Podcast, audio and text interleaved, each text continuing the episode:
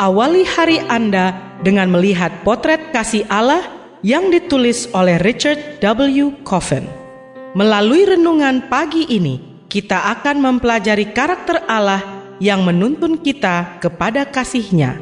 Bersama Pendeta Andre Daimbani, selamat mendengarkan. Shalom, selamat pagi saudaraku. Renungan pagi kita hari ini 5 Desember berjudul Hanyut. Ayat intinya diambil dari Ibrani 2 ayat 1. Demikian firman Tuhan. Karena itu harus lebih teliti kita memperhatikan apa yang telah kita dengar supaya kita jangan hanyut di bawah arus. Mari kita dengarkan penjelasannya. Sebagian orang Kristen telah menarik kesimpulan dari beberapa ayat Alkitab tentang jaminan keselamatan di dalam Kristus menjadi sebuah doktrin tentang sekali selamat, selamanya selamat. Namun ayat-ayat lain di dalam Alkitab menunjukkan bahwa keselamatan itu dapat gugur. Ayat kita hari ini pun mendukung gagasan bahwa kemurtadan dan hilangnya keselamatan adalah pengalaman nyata untuk orang-orang Kristen. Orang-orang Kristen yang lengah akan kehilangan keselamatan mereka, dan ayat kita hari ini menggunakan kiasan bahari sebagai peringatan bagi kecerobohan rohani. Harus adalah terjemahan kata Yunani yang juga berarti perlu. Kelakuan seperti apa yang harus dimiliki? Kita harus memperhatikan. Kata Yunani yang digunakan di sini biasa dipakai untuk mengarahkan perahu layar di jalurnya atau melabuhkan kapal di jalur dermaga. Selanjutnya, tindakan ini tidak boleh dilakukan dengan ceroboh atau lengah, namun dengan lebih teliti atau dengan kesungguhan yang sangat. Jika kita tidak tekun seperti itu, maka kita akan hanyut. Satu lagi kiasan negeri bahari. Maknanya adalah suatu kondisi menyimpang keluar jalur secara tak disadari. Bagaimana cara kita memusatkan perhatian agar tidak sampai terhanyut?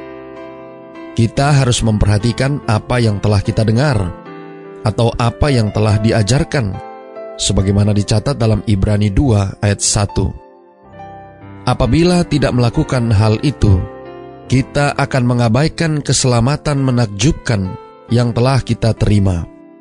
Di dalam kitab Ibrani, keselamatan memiliki tiga aspek, yaitu yang pertama, keselamatan dari hukuman atau kutukan Allah akibat dosa-dosa kita. Yang kedua, keselamatan dari kuasa kejahatan di dunia ini yang membantu dan mendukung kita dalam berbuat dosa. Dan yang ketiga, keselamatan untuk boleh hidup di dalam kerajaan Allah yang didirikan oleh Yesus. Saudara-saudara yang kekasih di dalam Tuhan, kabar baik yang sedang kita bicarakan itu mula-mula diberikan oleh Tuhan dan oleh mereka yang telah mendengarnya sebagaimana dicatat dalam ayat yang ketiga.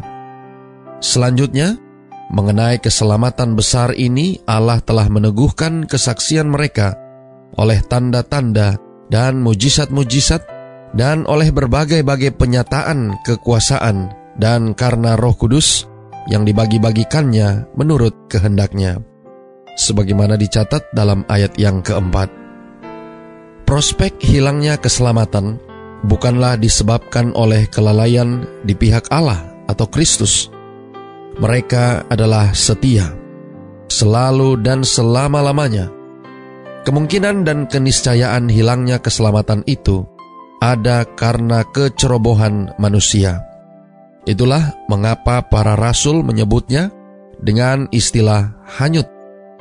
Kehilangan keselamatan dan terhanyut di bawah arus kemurtadan terjadi dengan halus dan tak terasa. Doa kita hari ini. Bapa, terima kasih. Melalui renungan pagi ini, kami boleh mendapatkan satu pelajaran yang penting di dalam kehidupan rohani kami. Terima kasih melalui renungan pagi ini, kami boleh belajar dari kitab Ibrani, agar kami boleh selalu waspada dan terfokus kepada keselamatan yang daripada Kristus, sehingga kami tidak hilang dan terhanyut.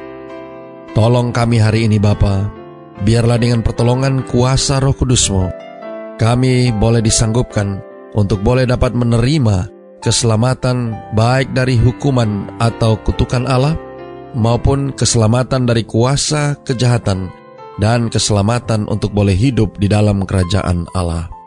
Terima kasih Bapa. Inilah doa dan permohonan kami kepadamu. Semoga Tuhan senantiasa memberkati kita sekalian sepanjang hari ini saat kita melakukan aktivitas kita masing-masing.